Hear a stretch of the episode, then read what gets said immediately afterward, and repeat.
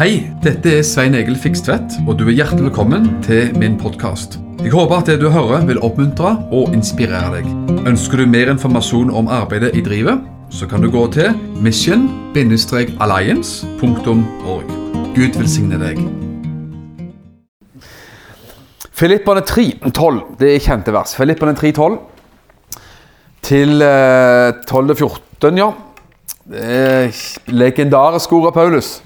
Ikke slik å forstå, sier han, at jeg allerede har nådd det, eller at jeg allerede er fullkommen. Men jeg jager framover, så jeg kan gripe tak i det, ettersom Kristus Jesus også har grepet tak i meg. Brødre, jeg tror ikke om meg selv at jeg har grepet det, men ett gjør jeg, jeg glemmer det som ligger bak, og strekker meg ut etter det som er foran. Jeg jager mot målet, mot den seierspris som Gud har i det høye kalt oss til i Kristus Jesus. Himmelske Far, vi bare ber om at de ord vi skal dele her i dag, skal være både enkle og skarpe og trenge gjennom i våre liv. Og Herre, være med å skape oppmuntring og forvandling i våre liv, etter som vi sjøl trenger. Og ingen som du, Herre, ser oss hvor man er. Ingen kan møte oss der vi er, Herre. Du ser den situasjonen den enkelte av oss er i, Herre. Og så ber jeg at både budskapet og at din, din utdrakte hånd skal ta tak i våre liv, presis der man er, og ta oss med opp, fram og videre. I Jesu navn ber om det. Amen. Dette er kjente ordet av Paulus, som er en lang og fantastisk sammenheng, som ikke tar alt med, jeg tok ikke med alt her i dag. Men han sier jeg glemmer det som ligger bak'. Jeg, jeg, strekk, jeg eh, tror ikke at jeg har grepet alt, sier han. Jeg har ikke grepet alle ting. Men jeg, jeg gjør én ting. Jeg glemmer det som er bak, og strekker meg ut etter det som er foran. Og Jeg har lyst til å snakke litt om dette med å bruke det uttrykket her, å glemme det som er bak. Så jeg har kalt budskapet her i dag 'Kunsten å glemme det som ligger bak'. Det er en kunst. Det, og det, Vi trenger nåde til det. Og jeg har, jeg har fundert mye på det. og man kan se i eget liv, og man kan se i andres liv på den måten at når man har møtt ganske mange mennesker gjennom et langt levd liv, så ser man jo det at alle av oss befinner oss veldig ofte i mye av de samme kampene. Det er intet nytt under solen, er det jo et uttrykk som heter. Så egentlig eh, Vi har jo forskjellige fingeravtrykk og forskjellig DNA. Det er jo forskjellig, da, men alle har to øyne, to hender og ti fingre osv. Så, videre. så det er ganske mange ting som er likt med oss. Vi kjenner ofte på de samme gleder, samme sorger, samme utfordringer. Og, og eh, mange mekanismer i våre liv er jo ganske like, faktisk. Her er det La meg si noen ting sånn at eh, det med å nettopp bryte, glemme det som ligger bak Det å bryte opp for ting i livet. Vonde minner, vonde erfaringer og tunge, tunge hjulspor man gjerne har kommet i i livet. Og vonde minner og vonde erfaringer det kan jo være ting som andre har påført oss. Det gjør jo alltid et voldsomt inntrykk når noen sier at andre mennesker har påført en vonde ting i livet. Jeg har møtt mange mennesker, sånne mennesker. Og det er jo så urettferdig som det kan bli. Hvordan kan andre mennesker påføre andre mennesker skader for livet? Det skjer jo. F.eks. et klassisk og grelt eksempel er jo seksuelt misbruk eller andre ting. Mobbing på skolen eller andre ting. Hva med våre egne eh, altså tabber og nederlag? Synd? Man har påført oss sjøl. Man tok feil valg i livet, og så møter man konsekvensene av det. Og så kjenner man at det er surt, og det er bittert. Og man kjenner at man må på en måte spise liksom litt bitter frukt ut av dumme ting man har gjort. Kan Gud gripe inn også i det, når vi selvforskyldt har gjort dumme ting?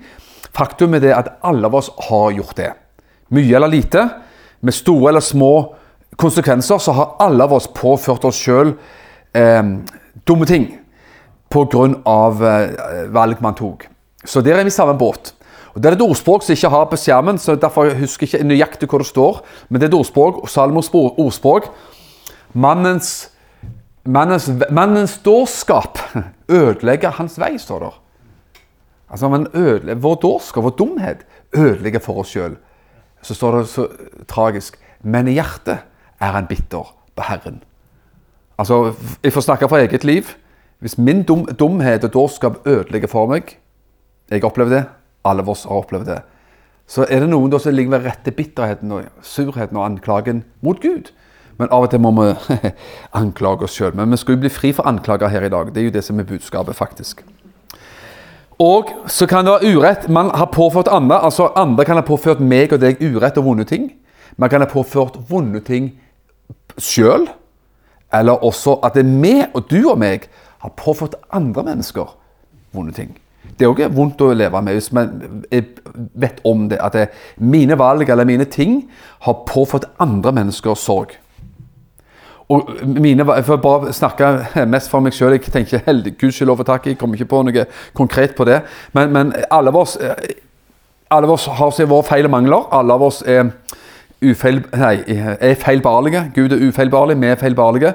Så det er jo stor sjanse for at Svein Egil har påført andre mennesker skuffelser, sår, sorg og, og uh, kanskje i verste fall redusert livskvalitet. I så fall er det forferdelig hvis man har gjort det. Men gjennom alle disse tingene, enten man har gjort påført seg selv vonde ting, påført andre vonde ting, andre påført oss vonde ting, så kommer det en greie ut av det som ofte kalles for skam. Og skam er jo en forferdelig ting. Hva er nå skam for noe, da? Skam er jo den følelsen man får, den vonde, leie følelsen, den sure følelsen man får eh, etter vonde ting har skjedd. Hvis man har gjort en synd mot Gud, mot medmennesker, så kjenner man på skam. Man kjenner en vond og vemmelig følelse. Og det å kjenne på den vonde følelsen etter man har gjort noe ordentlig galt, da, det er jo ikke galt. Vet at Hvis den følelsen, samvittigheten eller skammen, om du vil, uteblir et menneske sitt liv Har du av og til hørt uttrykket 'eier du ikke skam i livet'? Da etter, etterlyser man litt skam hos noen. Har du ikke skamfølelse etter sånn og sånn og sånn? Så man etterlyser egentlig at noen, den skamfølelsen, hvis man da, den er berettiget. Hvis den ikke er berettiget, så er det jo galt. Men da er det jo noe nydelig med det som har med nåden å gjøre, som har blitt sunget om her i dag. Som vi skal lese noen ord om, direkte som har blitt sitert allerede. Og det er jo det at når vår synd blir tilgitt Når vår synd blir tilgitt, så er jo skammen på vei ut. Han bør være på vei ut. For har vi gjort opp med Gud og mennesker, så har jo heller ingen skamfølelse rett til å være i våre liv. Likevel så er det mange som opplever at det likevel man tror man har bedt både Gud og mennesker om tilgivelse, og, og fått tilgivelse. Likevel så er det mange som kjenner at det skammen sitter igjen som en sånn langvarig vond følelse. Det tror jeg at vi skal eh, få ut. Hvorfor det? Jo, fordi at men, eh, Glemt er glemt. Ikke glem det, var det Torbjørn Baksvær som sang for mange herrens år siden. altså. Bra uttrykk og bra, bra liksom, eh, liksom, rim på det. da. Men, men, men det er noe, mye sant i det. At når glemt er glemt, oppgjort synd, til, bekjent synd og oppgjort synd, er jo også glemt synd og tilgitt synd. Og da skal skammen, har skammen ingen rettighet til å være i våre liv. Så Kunsten å glemme det som ligger bak. Paulus sa 'jeg glemmer det som ligger bak'. Jeg strekker meg mot det som er foran. Hvis det er masse ting i mitt liv og ditt liv som gjør at man, man bærer med seg og tatt med seg i baklommen massevis av skuffelser eller skam eller hva som helst med oss i livet, så blir det ofte en liten bremsekloss på hvordan Gud hadde tenkt å, å bruke oss eller velsigne oss i, i framtiden. Og Derfor så har man møtt mange mennesker som bærer med seg ganske ting i tiår på tiår i livet, som man ved Guds nåde skulle gjerne ha fått lagt bak eh, tidligere tider. Og Da er det jo bare at man sjøl påfører seg sjøl, kanskje andre også, en dårlig livskvalitet. Skal du få et, eh, et par sånne uttrykk her, eller viktige utsagn, tror jeg. Drømmen om din framtid og min framtid hjelper oss til å lukke døren til vår fortid. Det er mange, mange mennesker strever livet ut for å lukke døren til fortiden. Man kjemper livet ut. Jeg må bli kvitt. Man, man liksom prøver å hele tida løpe fra det vonde som har skjedd. Mange mennesker kan bruke jo kanskje alkohol på det. Noen bruker eh, eh, å være overaktiv. Noen prøver å jobbe seg ut av det. altså Har, har fire jobber og jobber eh, liksom 100 timer i uka osv. Men eh, det må finnes noe bedre i Guds nåde enn det også. Drømmen om din framtid kan hjelpe oss til å lukke døren til vår fortid. Et annet utsagn bare den som kan lukke døren til sin vonde fortid, kan ha en ordentlig velsigna framtid. Det tror jeg det er mye sant i. Det var ikke, det var ikke fra Bibelen. Det var Svein Egil Fikstvedt som satt og filosoferte. Så, ok. La oss gå til Paulus. Vi har jo allerede lest Filipperne og snakket litt om Paulus. Og dette, nå, nå Det var artig å høre at eh, jeg tror det var Ragnar som siterte akkurat det som jeg skal preke, lese nå. Første Korinterbrev 15, vers 9 og 10. Det, det, det sammenfatter og sammenbinder to ting som er så viktig. Fordi jeg tror ikke Gud vil at vi skal glemme vonde ting i fortida på en ren Hva skal vi si At du lider hukom, hukommelsestap. Og jeg har også møtt mennesker som har tatt sånn en eh, elektrosjokkbehandling, faktisk. For man ville prøve å, å slette ut minnet. Det gjør man jo i psykiatri, psykiatrien for å hjelpe mennesker til å glemme ting osv. Jeg sier ikke det at det er galt, sier, eh, men det forteller jo noe om at man, eh, noe, mange mennesker er desperate etter å slette ting som har vært. Prøve å glemme det, på, til og med på den måten. Men Paulus glemte jo ikke sin fortid. Men han skjønte at Guds nåde hadde dekka alt sammen. Hadde et reflektert og et sunt forhold til det som var før også. Så vi prøver ikke å leve i fornektelse. Vi prøver ikke liksom å stikke hodet sammen og, og, og, late som om ting ikke har vært eller skjedd, eller noe sånt. Derfor liker jeg dette som vi leser nå om Paulus. Første kor 15, vers 9-10. For jeg, sier Paulus, er den ringeste av apostlene, den minste, den dårligste av apostlene. Og jeg er ikke verd å kalles apostel. Da, da har han sjøl eh, ja, nedgradert seg ganske kraftig. For jeg har forfulgt Guds menighet. Så Paulus han husket jo hva han var en gang. Han var jo en apostel som, som bare det, og det skal vi lese om snart. Men han sier likevel at jeg ikke den minste, er den ringeste. Ja, faktisk, jeg er ikke verd engang til å kalles en apostel, fordi han huskte sin fortid. Jeg har forfulgt Guds menighet. Så han husket jo egentlig tydeligvis hva som hadde vært før i livet, før han ble frelst. Men så kommer det da i vers 10 et, et kjempestort menn, og det store mennet der, det må ikke utelates. Derfor må man passe på alltid at vi leser sammenhengen i Guds ord, ellers så kan det gå galt. Men, sier han, ved Guds nåde er jeg det jeg er. Altså, jeg er ikke verdt å kalles en apostel. Jeg har forfulgt Guds menighet, så det var en side av saken. Men jeg er det likevel, sier han, ved Guds nåde. Fantastisk. Ved Guds nåde. Og kan du og meg si det av hele, ikke som en sak bare påtatt fromhet, men at vi av dypet, på dypet av vårt hjerte kan si jeg er den jeg er i dag ved Guds nåde. Og Det er nydelig å høre sånne vitnesbyrd. Mennesker, ikke mennesker som er fullkomne og feilfrie, men mennesker som kan si ærlig og oppriktig jeg står her i dag, jeg kan vitne om dette sånn og sånn i dag fordi jeg har opplevd Guds nåde i mitt liv. Ved Guds nåde er jeg det jeg er. Og Hans nåde mot meg har ikke vært forgjeves. Betyr det ja, jeg, Sett i andre sammenhenger i Bibelen også, så kan Guds nåde bli forgjeves for et menneske. For nåden er jo utgitt til alle mennesker. Man, må ikke ta imot nåden eller oppleve nåden forgjeves, men den må få gjøre sitt verk i vårt liv. Hans nåde mot meg har ikke vært forgjeves. Men jeg arbeidet enda mer enn dem alle. Sånn, så han hadde tatt igjen mye. vet du. Han sa jeg har jobba mer enn disse andre apostlene, sier han. Da er du formodig, vet du. Men også nå presiserer han etterpå dog ikke jeg, men Guds nåde som er med meg. Et, I et vers, i vers 9 så snakker han om sin fortid. Men vers 10 og nåden hadde dekka over alt det der. Hadde dekker over. Og Det minner meg veldig om Romane 5,20, kapittel 5, vers 20. Men der synden ble stor, ble nåden enda større. At der synden har vært stor, eller mulige, alt mulig grums og graps har vært stort i livet vårt, ja, der er nåden enda større. Og nåden er der for å dekke over, for å tilgi, for å rense og gi en ny start i livet. Og, ehm, og gjør at man kan også glemme det som ligger bak. Ikke ved hjelp av hukommelsestap, for det, Paulus lei ikke av hukommelsestap. Han sa at 'jeg har forfulgt Guds menighet'. Det snakker han om en håndfull ganger rundt omkring i Bibelen. Vitne om det. Men han snakker om jeg, ved Guds nåde er jeg den jeg er. Og han sier andre steder 'Jeg fikk miskunn', sier han. Jeg fikk miskunn. Overstrømmende stor miskunn. Uh, Apostelens gjerninger 23, vers 1, så er det et interessant vers. Paulus han står framfor rådet, det høye råd i Jerusalem. Det Det var jo liksom det åndelige lederskapet i Israel på den tiden der, og de var jo uansett underlagt romermakten, men de fikk jo styre og bestemme på en del områder. Så står Paulus han måtte jo stadig stå til rettes for rådet, og det måtte de andre apostlene også, da. Inn til forhør og få, få så hatten passe.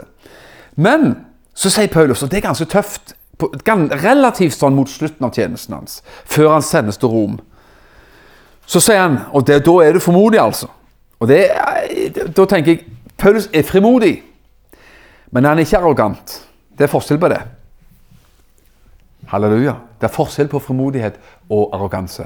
Som en predikant sa en gang, det er forskjell på guddommelig frimodighet og sjelesk frekkhet, sa han. bra sagt. Ja, det er bra slagord.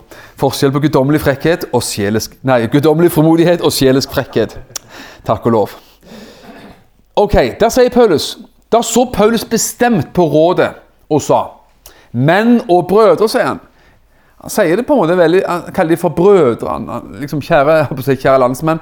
Han, han, eh, snakker fint til dem. Så sier han med utelukkende god samvittighet har jeg levd for Gud helt til denne dag.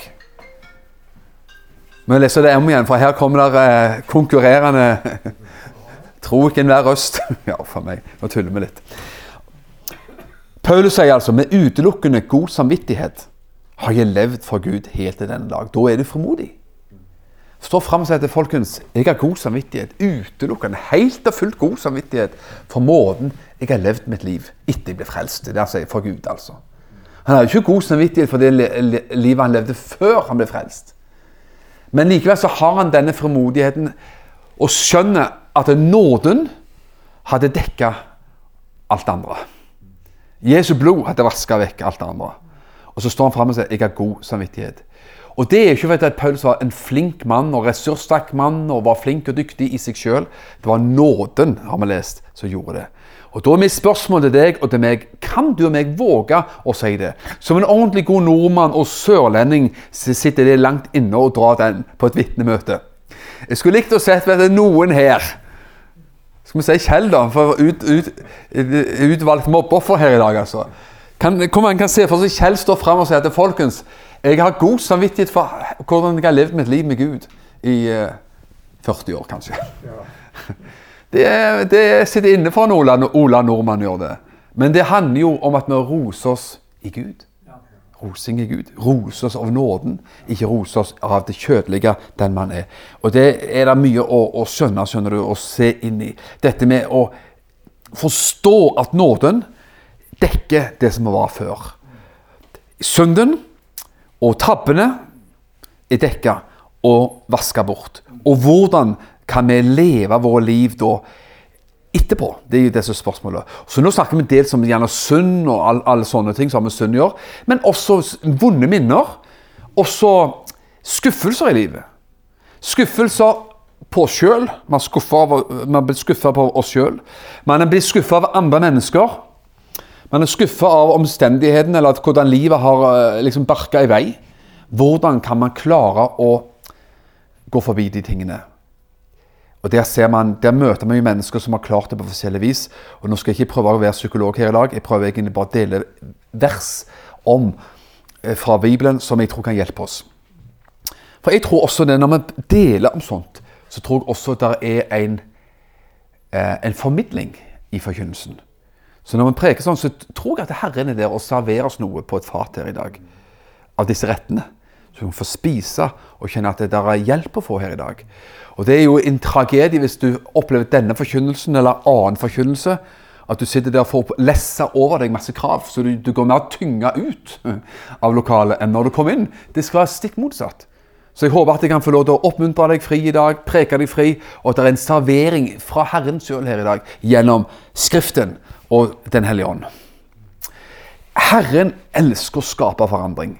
Og jeg tenker på en del mennesker som jeg har møtt, som, som, eh, som har, står for en kolossal forandring i livet sitt. Altså. Så, så, dramatisk som, eh, som, det nesten bare går an. Jeg skal, nevne, jeg skal ikke nevne navnet, selv om dette er et offentlig vitnesbyrd for en kar som, som, eh, men jeg skal likevel ikke Siden man gjør opptak og sånt, så er det dumt å liksom ikke gjøre det. Men jeg kjenner en kar, og kanskje noen gjenkjenner denne personen. Og han, han har vært på, vært på TV 2 med, med, programleder Egil Svartdal for mange år siden med sin historie også. Og han, han karen her han vokste opp i et uh, vanskelig hjem. Det var skilsmisse. Det, han, det var, det var ja, en litt vond oppvekst. Og Så begynte denne karen her som guttunge å vandre gatelangs og eh, ja, re, rege rundt, slenge rundt. Så ble han plukket opp av en lastebilsjåfør. Uh, som, og Han syntes det var skøy og fint å bli tatt hånd om, bli få oppmerksomhet, få sitte i en lastebil høyt oppe. Det er stas for en guttunge. Men det vanka jo mer enn bare det. Det vanka bl.a. brus og godteri og alt mulig. Men denne, denne lastebilsjåføren var jo en del av en pedofiliring av alle ting på jord. Så denne karen her, han eh, ble dratt inn, denne guttungen ble dratt inn i en pedofilirings sammen med andre. Han skjønte jo at det var en verden som han ikke kjente til. Der han og mange andre gikk på rundgang i, i seksuelt misbruk av, blant en hel haug, eller en del mannfolk. Så gikk åra, og denne unge gutten ble jo en tenåring og kom i puberteten, og da var det jo ikke interessant lenger. Så han var ute av dette her. Men hvilke skader kan et menneske ha pådratt seg gjennom sånt? Det er jo, eh, det, er jo kan ikke, det, kan man ikke forstå. Det er jo langt ut forbi vår fatteevne, vil jeg tro. Med mindre man har opplevd noe sånt sjøl, Men denne karen herrene som, eh, som, har både opplevd denne type Dette er jo det verste man kan oppleve, det får man vel si. Pluss opplevd andre tap i livet sitt. Er jo en, en person i dag som har virka som pastor som har jobbet med faktisk bibeloversettelser og utarbeidelse av bl.a. denne bibelen og andre bibler. Og, og, er en person som blir brukt av Gud i dag, og som ikke bærer noe preg av det som var før. Og det, Vi kan ikke skylde på andre enn Gud, vil jeg tro. Guds nåde, Det må kalles nåde over nåde. Hvilken nåde er jeg den jeg er? Hvordan kan et, et sånn person som denne karen her leve videre og, og klare livet videre etter å ha vært gjennom sånne ting, det, det, kan man jo bare ikke skjønne. Men Gud elsker å skape forandring. Og håper at det jeg sier nå, ikke skaper et byrde for deg eller meg, som gjør at ja, men, altså, man, man skal, det setter opp en kontrast for, i våre liv, så du kjenner at eh, du føler skam og nederlag for at du ikke har klart å, å, å rive deg løs fra ting. Vi er her for å betjene, og ikke for å gi byrder i folks liv. Er du enig i det? Amen. Jesaja 61 herlige ord vet du, som vi kjenner godt igjen, for Jesus siterte en del av det i sin eh, programtale. Jesaja 61, vers 1-4. Herrens ånd er over meg, for Herren har salvet meg til å forkynne evangeliet for de fattige. Han har sendt meg for å forbinde dem som har et sønderbrutt hjerte. Det er nydelig. Altså, Først snakket vi om uh, evangeliet for de fattige. Det er for de nederst ved bordet. Han har sendt meg for å forbinde dem som har sønderbrutt hjerte. Det er indre helbredelse. Og rope ut frihet for fanger og sette de bundne fri. Og for å rope ut et nådens år fra Herren og en hevnens dag fra vår Gud. Og for å trøste alle som sørger, står det. Og så står det etterpå De sørgende i Sion skal få hodepynt i stedet for aske. Gledens olje i stedet for sorg Lovprisningsdrakt i stedet for avmaktsånd. Vi kunne lest videre, men det skal vi ikke gjøre akkurat på dette verset. Men det er et herlig ord her. Jeg Av og til henger meg opp i noen ord i Bibelen. Og Her står det i hvert fall tre plasser. Her står det 'i stedet for'. Det er et fint uttrykk av og til, altså. I stedet for. Bare tenk det. Når, når noe kommer i stedet for noe, så da bytter man jo ut noe. Forhåpentligvis med noe som er bedre. I hvert fall i dette tilfellet. Du skal få noe i stedet for. Og Vi leser det om igjen, for det, har jeg, jeg rett og slett merka med rødt i skrift her. For, eh, for jeg syns det er så bra.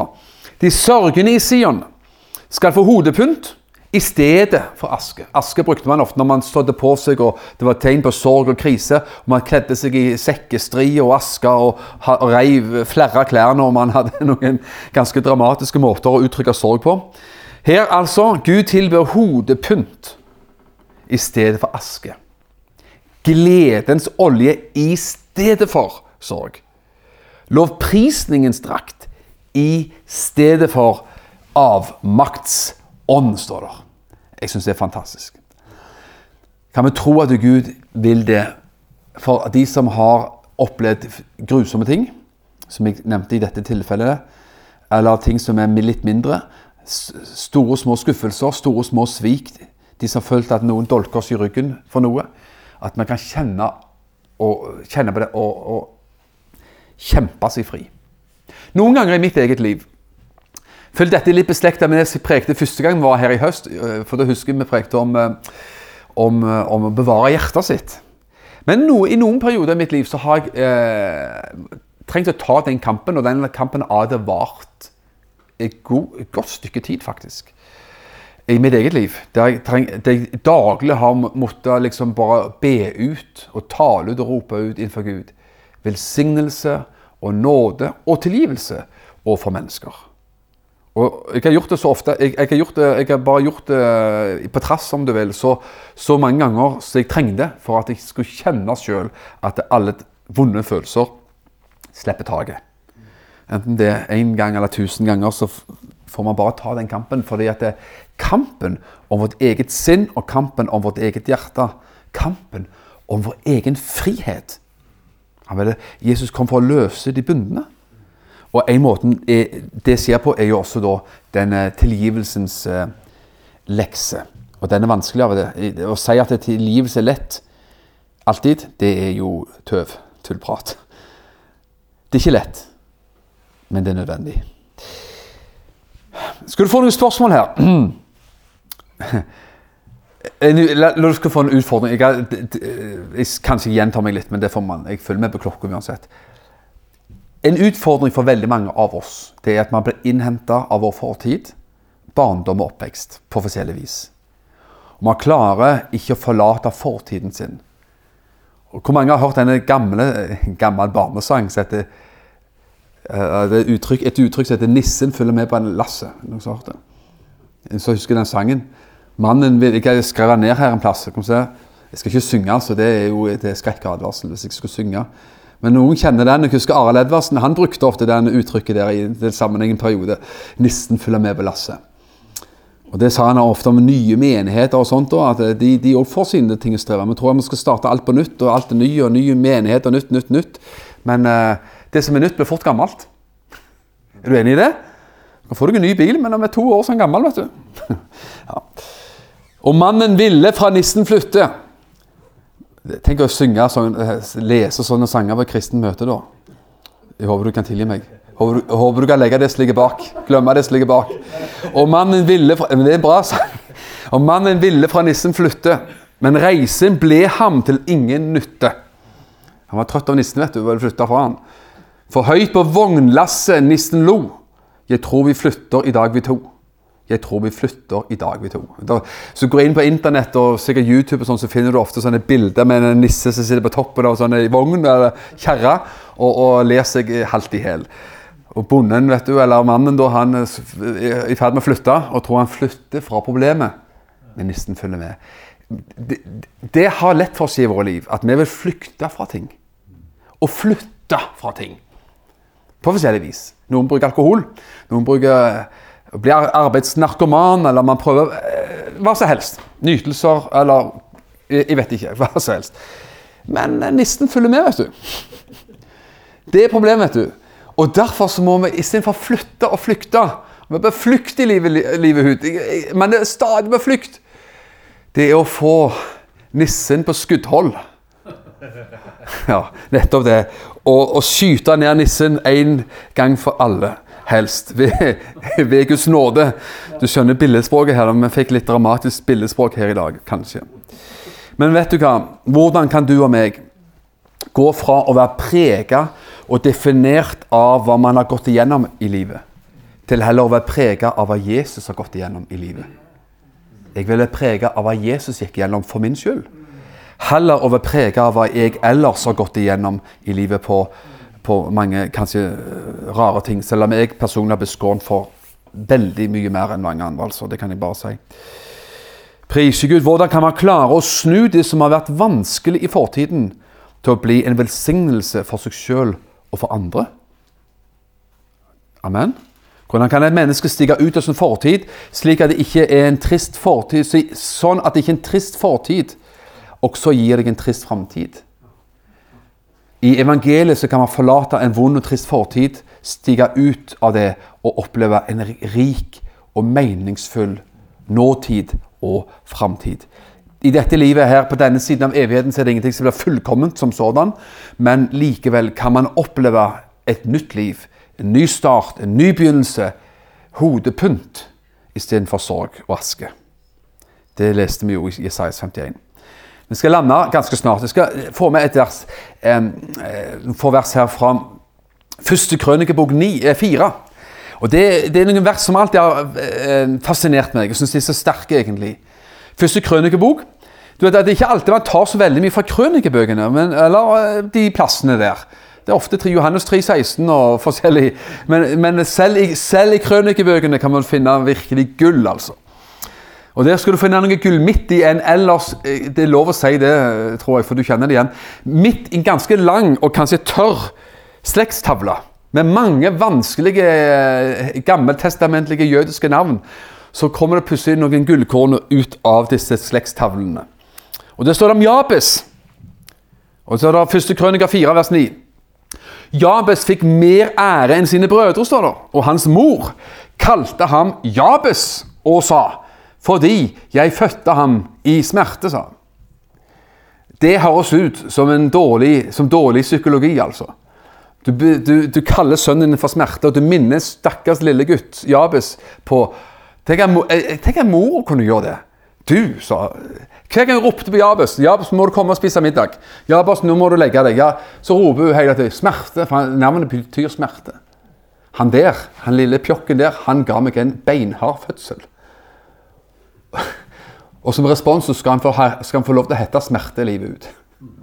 Det høres dårlig ut, altså. Dårlig mor. Ja, Vi får se om vi kan treffe henne i himmelen en, dag og spørre hva, hva var galt med deg.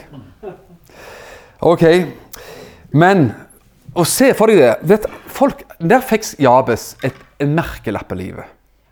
Smerte. Du har påført deg smerte.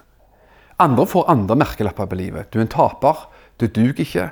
Du er ditt, og du er datt. Du, du, mange har fått rare og tragiske uttrykk og merkelapper slengt over sitt liv, ofte i barndommen av foreldre, av alle ting.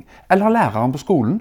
Eller eh, barna i nabolaget, eller hva som helst. Mobbing, trakassering og, og forskjellig slag. Her var det en som fikk merkelappen, etikettens klaska på seg. Det er at du heter smerte. Du har påført mora di en hard fødsel og mye smerte. Men jeg syns det er så sterkt fordi Jabes han steig ut av det. Han klarte å glemme det som ligger bak. For det står i vers 10. Jabes påkalte Israels Gud og sa Og sa han, om du bare ville velsigne meg. Han var, påfør, han var kalt for smerte, men han reiste seg ut av det og sa, kalte på Gud og sa, Herre, om du vil velsigne mitt liv og utvide grensene mine, må din hånd være med meg og må du holde meg borte fra ondt.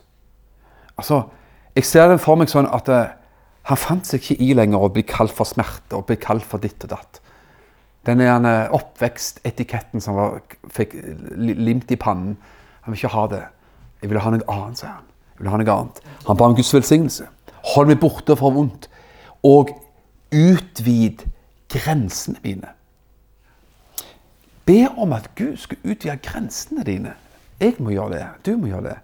Du vet, Vi er født, er født inn i visse rammer og grenser. Eh, omstendighetene, oppveksten, satte grenser for, for våre liv ofte. Kanskje med utdannelse og eh, kulturen i hus og hjem. Men hvis ikke det alt det var av det gode, så begjær at mine grenser de skal utvides i livet. Amen? Priser Gud. De tror på det, altså. Utvid grensene i våre liv. Må Den hånd være med meg. Og må du holde meg borte for ondt, sier han. Jabes ber om det. Og så kommer det Så jeg ikke blir årsak til smerte, sier han. Ja, det var jo nettopp det han hadde opplevd. Og blitt, eh, blitt fortalt gjennom navnet sitt at du har påført mora di smerte.